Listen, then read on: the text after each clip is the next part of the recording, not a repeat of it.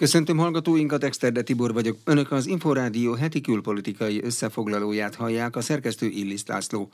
Most először arról lesz szó, hogy évtizedek óta először csökkent Kína lakossága.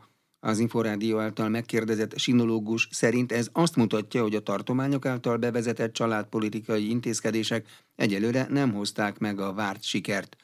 Salád Gergely ugyanakkor úgy véli, hogy a kínai gazdaság számára a legnagyobb problémát nem a népesség csökkenés, hanem a társadalom előregedése, valamint a feldolgozóiparban jelentkező munkaerő hiány jelenti. A Külügyi és Külgazdasági Intézet munkatársával Imre Júlia beszélt.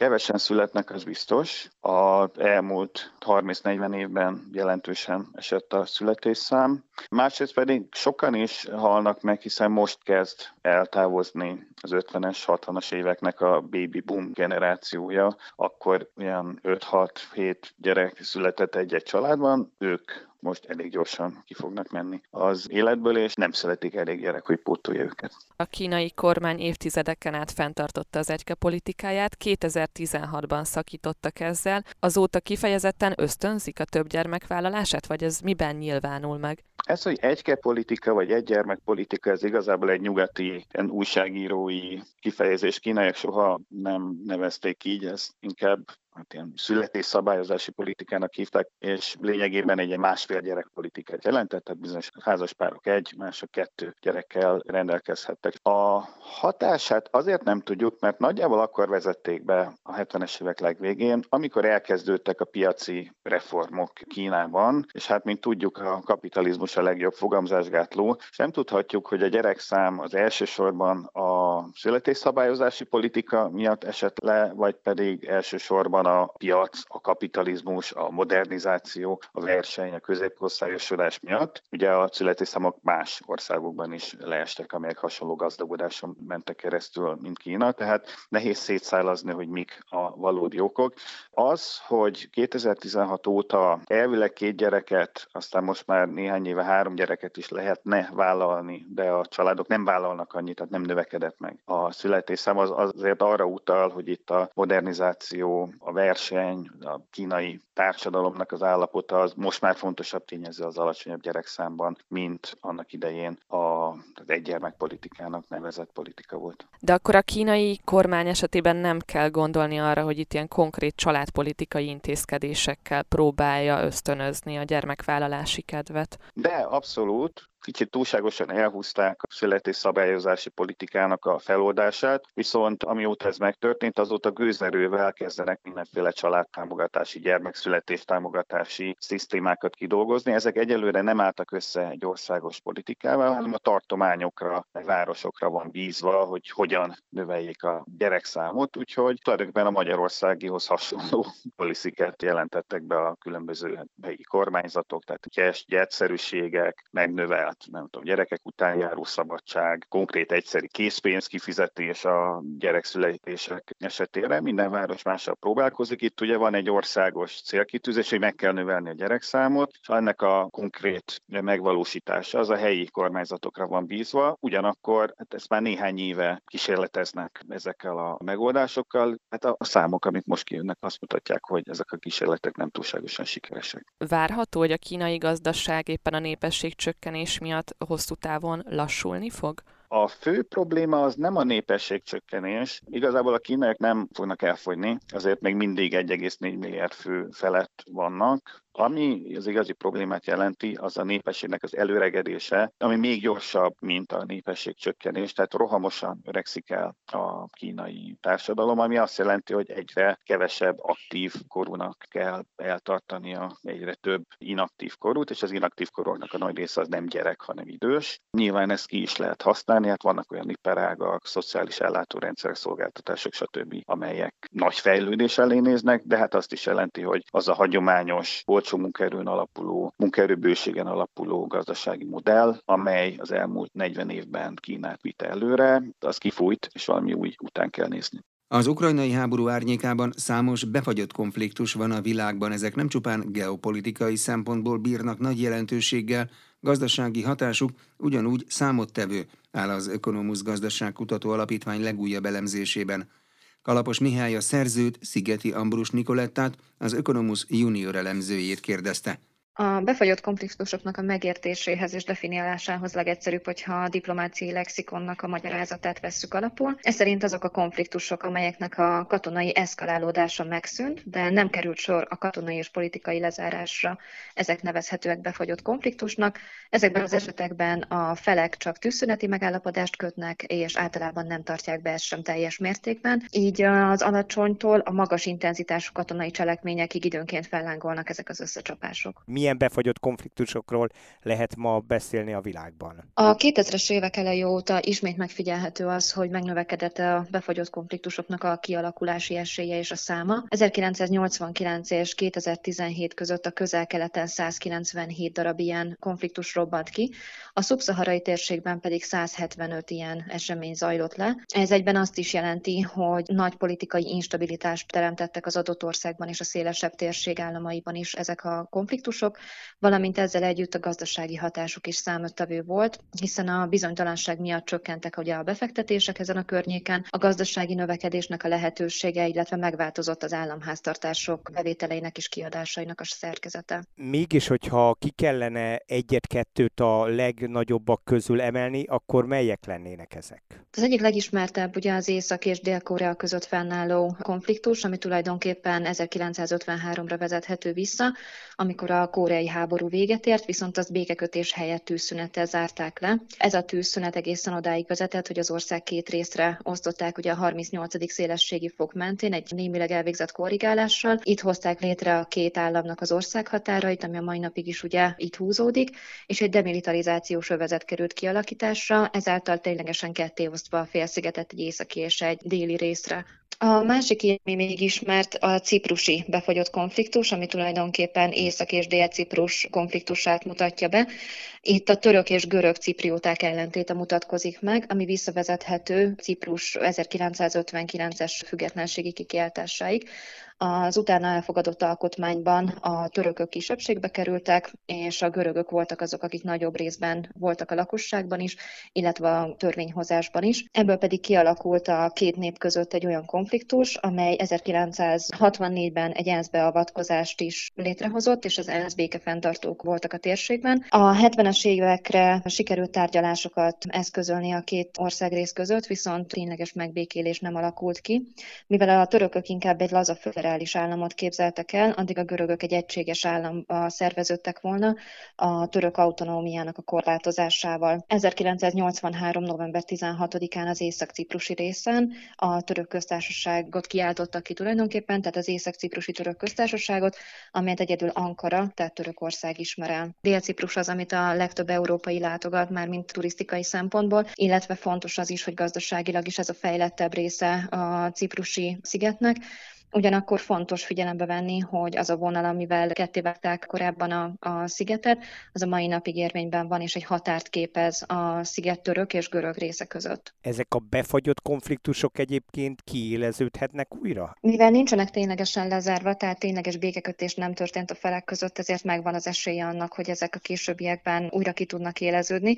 És ugye Észak-Korea esetén láthatjuk is azt, hogy különböző erődemonstrációk a mai napig megfigyelhetőek az észak-koreai katonai vezetők részéről, amit ugye Dél-Korea nagy higgadsággal tud kezelni, mindazonáltal folyamatosan ott lebeg ez a bizonytalanság a geopolitikai veszélyek között, hogy Észak-Korea milyen módon próbálja meg befolyásolni a jelenlegi dél-koreai szuverenitást, és hogyan próbálja ezt az egészet a maga javára fordítani és megszüntetni. Műsorunk folytatásában szó lesz arról, hogy a december óta húzódó szlovák kormányválság újabb fejezetéhez érkezett, Eduard Heger megbízott kormányfő lezártnak nevezte a 76 fős parlamenti többség létrehozására irányuló erőfeszítéseket. A továbbiakban az előrehozott parlamenti választásról szóló tárgyalások következnek. A szövetség is minél hamarabb választást szeretne. Kis Balázs tudósít Pozsonyból. Eduard Heger megbízott szlovák kormányfő kedden lezártnak nevezte a 76 fős parlamenti többség létrehozására irányuló erőfeszítéseket, Ezzel eldőlt, hogy előrehozott parlamenti választásra készül Szlovákia. A kérdés már csak az, hogy mikor. Eduard Heger őszi időpontot tart reálisnak. Szerdán az eddigi koalíció pártjaival, az Olanoval, a Zalugyival, az Merodinával és a koalícióból tavaly szeptemberben kilépett, majd a kormány bukását indítványozó SAS-szel tárgyal az időpontról. A mérleg nyelvének éppen az SAS számított, mivel a 76 fős parlamenti többséghez a liberális párt képviselőinek támogatása hiányzott. Táto 76 je skôr chimera. Ani len celý poslanecký klub Olano nie je... Richard Sulik pártelnök bejelentette, hogy pártja elutasítja a 76 fős parlamenti többség kialakításáról szóló tárgyalásokat, mert azt csak időpocsékolásnak tartja. Kompromisszumos megoldásként szeptemberi előrehozott választást javasol. A szövetség is minél hamarabb választást szeretne. A magyar párt által kiadott közlemény úgy fogalmaz, az ország egy csomó időt elveszített az új parlamenti többség értelmetlen keresésével, de most az a legfontosabb, hogy a parlamenti pártok elnökei megértsék, az előrehozott választás elkerülhetetlen, ezért minél hamarabb ki kell hirdetni. A párt felszólította a kormánypárti képviselőket, hogy méltó módon vezessék el az országot az előrehozott választásig. Zuzana Csaputová köztársasági elnök bejelentette, ha a parlament január végéig nem hoz döntést az előrehozott parlamenti választással kapcsolatban, akkor kész lesz a jogköreinek megfelelően eljárni. Mostantól fogva nyilvánvaló, hogy Eduard Hegernek nem sikerül biztosítani a 76 fős parlamenti többséget, a jelenlegi helyzetben minden erőfeszítésnek arra kell irányulnia, hogy megszülessen az egyetlen értelmes megoldás, tette hozzá az államfő. Robert Fico, az ellenzéki Smer vezetője szerint a keddi nyilatkozatok ellenére a volt kormánypártok valójában nem akarják, hogy előrehozott választás legyen. Natoľko poznáme predstaviteľov rozbitej vládnej koalície, Mivel jól ismerjük ennek a szétvert kormánynak a tagjait, azt is tudjuk, hogy nem lesz semmiféle alkotmánymódosítás, ami lehetővé tenné az előrehozott választást, mondta Robert Fico. Valószínűbbnek nevezte, hogy a kormány inkább az államfőnek adja át a hatalmat, elképzelhető egy szakértői kormány kinevezése és a káosz konzerválása egészen a rendes választásig. Fico úgy véli, az előrehozott választás kihirdetésére az egyetlen valós megoldás továbbra is a népszavazás, amelyre január 21-én szombaton kerül sor. A keddi bejelentések után óriásira nőtt a népszavazás jelentősége, hangsúlyozta Robert Fico. Ezért azt várja a kormánypártoktól, hogy ha komolyan előrehozott választást akarnak, akkor a referendumon való részvételre szólítják fel a lakosságot. Ugyanerre szólította fel az államfőt is. A Smer elnöke megismételte, hogy az előrehozott választást júniusig meg kell tartani. Kis Balázs, Inforádió, Pozsony. 30 éve szűnt meg Csehszlovákia. 1993. január elején létrejött Csehország és Szlovákia, és ez a két ország azóta együttműködve ugyanakkor jelentősen eltérő ütemben fejlődik, olvasható az Ökonomusz Gazdaságkutató Alapítvány évfordulós elemzésében. Herceg Zsolt a szerzővel Pásztor Szabolcs vezetőkutatóval beszélgetett. Annak idején, amikor Csehszlovákia két részre oszlott, 1993. január 1-én, akkor már nagyban konzerválódott az a struktúra, ami kialakult az osztrák-magyar monarchia idején, tehát évtizedekkel, évszázadokkal ezelőtt. Csehország mindig iparosodottabb volt, beszállítója volt az örökös tartományoknak, Németországnak. Egy nagyobb, komolyabb, magasabb hozzáadott értékű ipari bázis volt az országban mai Szlovákiában is voltak ennek jegyei, elemei, de összességében nem volt túlzó az az akkor a 90-es évek közepén sokszor emlegetett megállapítás, hogy a két ország létrejöttével Csehországban maradt egy nagyobb ipari bázis, Szlovákiában pedig kiegészítő ágazatok maradtak meg. Voltak éppen